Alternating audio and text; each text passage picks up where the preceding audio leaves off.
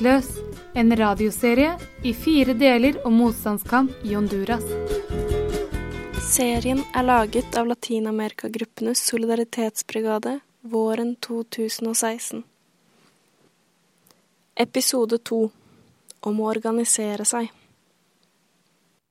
Jeg har alltid visst at det kom til å bli en tøff kamp, men jeg visste også at vi ville vinne den. Det er det elva som har fortalt meg sa en gang den honduranske miljø- og urfolksaktivisten Berta Cáceres. Natt til 3. mars 2016 blir hun drept i sitt eget hjem. Hun var internasjonalt anerkjent og fikk i 2015 Goldman-prisen for sin innsats og engasjement for å beskytte territoriet og urfolksrettigheter mot en nyliberalistisk stat og internasjonale selskaper.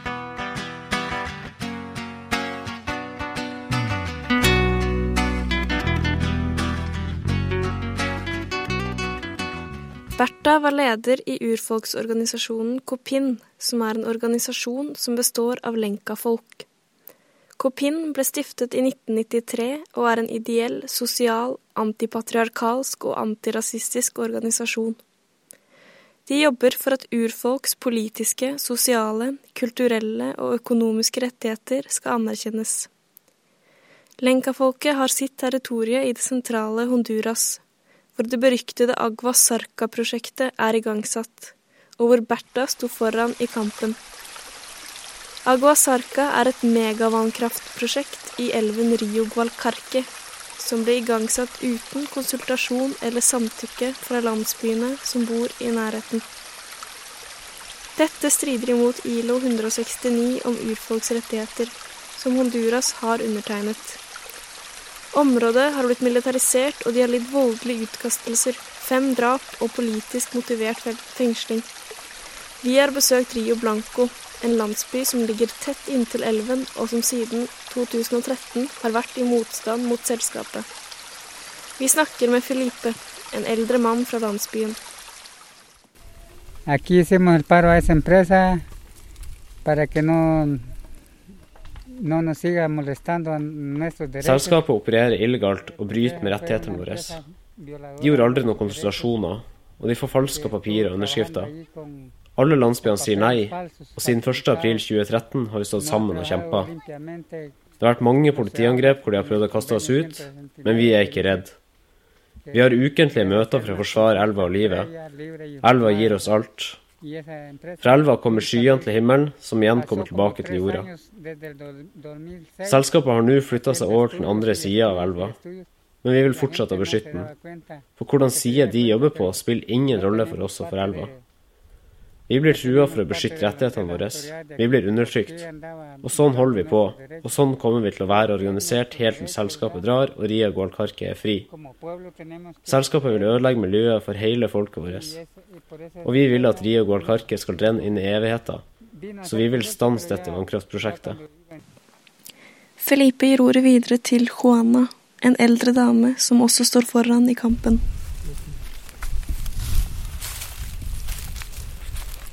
Buenas tardes a todos los compañeros que nos visitan y los de acá de esta comunidad de Tejera, pues.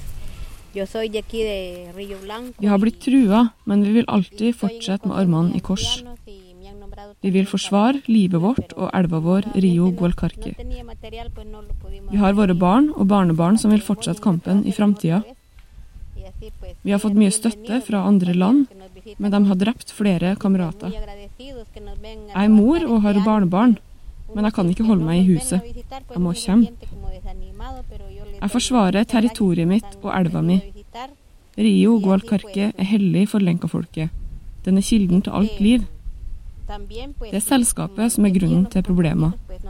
Det skaper død og ødeleggelse av miljøet. Det har vært mye spekulasjoner om hvem som egentlig drepte Bertha.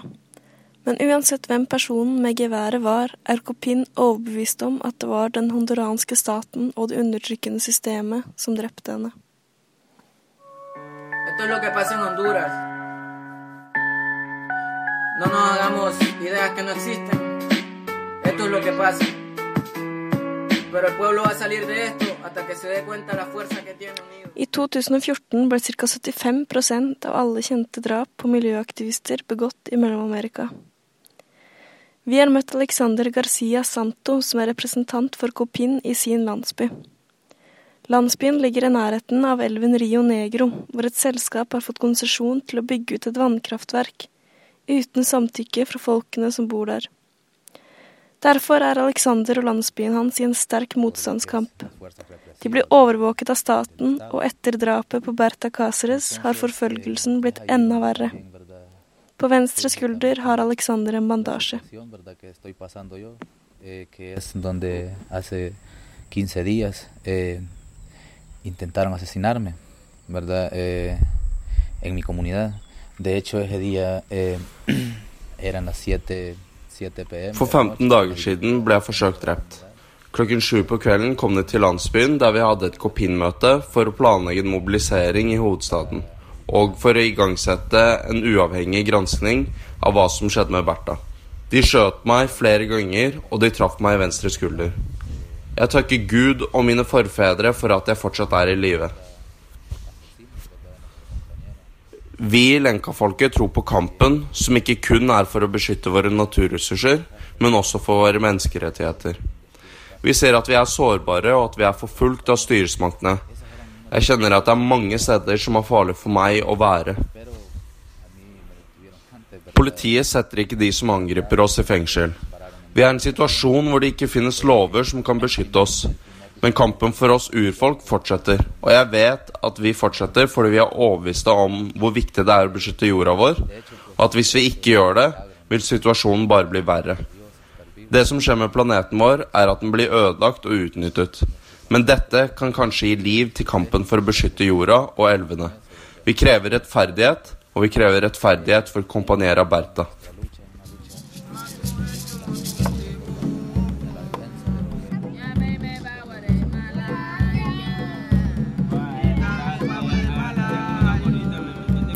Men Lenka-folket er ikke de eneste som organiserer seg mot stat og system. Vi reiser ut med den karibiske kysten og blir møtt av varme, reggae, havbris og hvite sandstrender. Vi ankommer den lille byen Sambo Creek, som er en del av Garifuna-territoriet.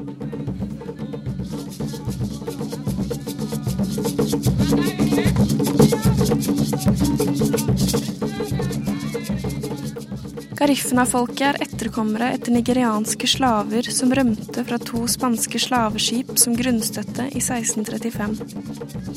De holder til langs Atlanterhavskysten og hovedsakelig i Honduras. Organisasjonen Ofrané ble stiftet i 1978 og samler ca. 200 000 personer med Garifuna-bakgrunn. Ofrané jobber hovedsakelig med å forsvare og gjenvinne landområder, samt ivareta og opprettholde Garifuna-kulturen. Deres levesett langs den karibiske kysten trues hovedsakelig av turistindustrien som konstruerer såkalte modellbyer, eller hotellkomplekser, i Garifuna-landsbyer, og store plantasjer for palmeolje og banan. Ofrané har fire nærradioer som er viktige i kampen for å stå sammen og for å spre informasjon. Vi møter Naum La-Lin på den lille lokalradioen i Sambo Krig. Han jobber med ungdomsspørsmål i Ofrané.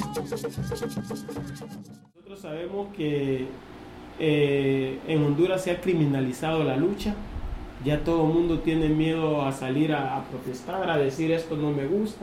Her i Honduras så vet vi at kampen blir kriminalisert. Og vi er redd for å gå ut og si fra om at noe ikke er bra. For vi vet at militære politiet står klar til å slå ned på oss. Og det her bekymrer oss. Et annet stort problem er kriminaliseringa av ledere. Det får folk til å spørre seg sjøl om det egentlig er verdt det å kjempe. Hvis man ikke vet helt sikkert hvor man har tenkt seg, hva man vil oppnå, eller hva man forsvarer, så ender man bare opp med å sitte inne. Fordi man vet at det ikke er verdt det. Og her i Honduras så går det ikke an å si at det finnes rettferdighet. Fordi den eksisterer ikke. I dag f.eks., da dere kom hit til La Saiba, har noen kamerater forsvart ei kompanjera som har blitt anklaga for å ha stjålet jord. Si eiga jord. Det er som at dere nå skal ha sagt til meg at jeg invaderer det stedet vi står på. En viktig del av motstandskampen til Garifuna-folket er å ta tilbake territoriet de tradisjonelt har levd på og har rettigheter til. Garifuna-folket har urfolksstatus og har dermed territorielle rettigheter langs kysten av Honduras.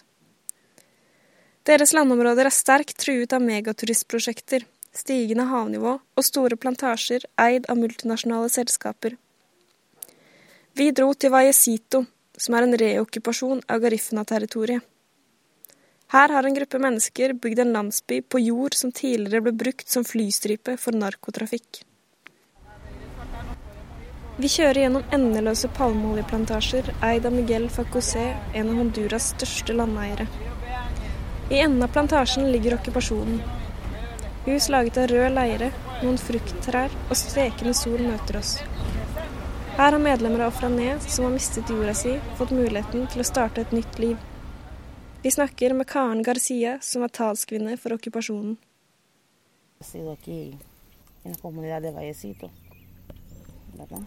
Puesto que aquí en Vallecito tenemos una lucha bien ardua, permanente, constante.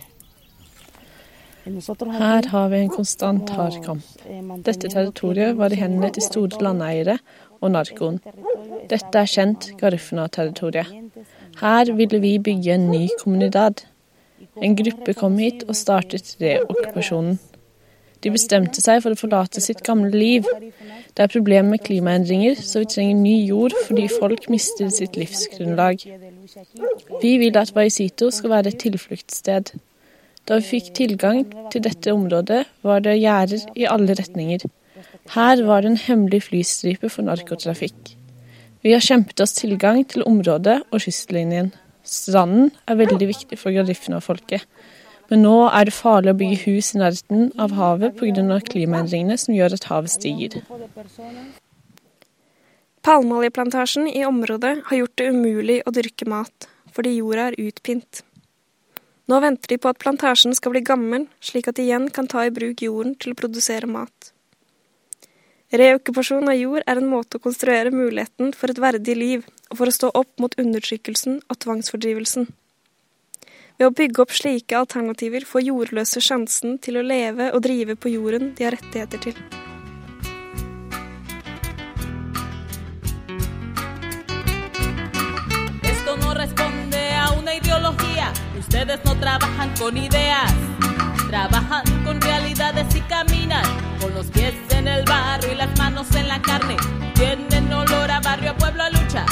Queremos que se escuche su voz que no se escucha.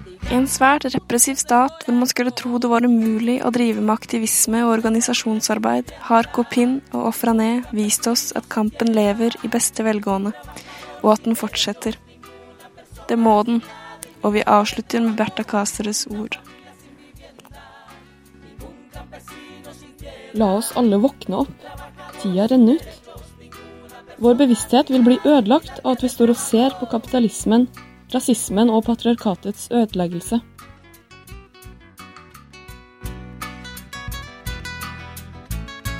Hipócritas, los que abordan el escándalo de la pobreza, promoviendo estrategias de tranquilidad y convierten a los pobres en seres domesticados. I Honduras styrer makteliten alle de nasjonale mediene. I neste episode av Fryktløs skal vi få høre mer om hvordan lokalradio blir brukt i motstandskampen.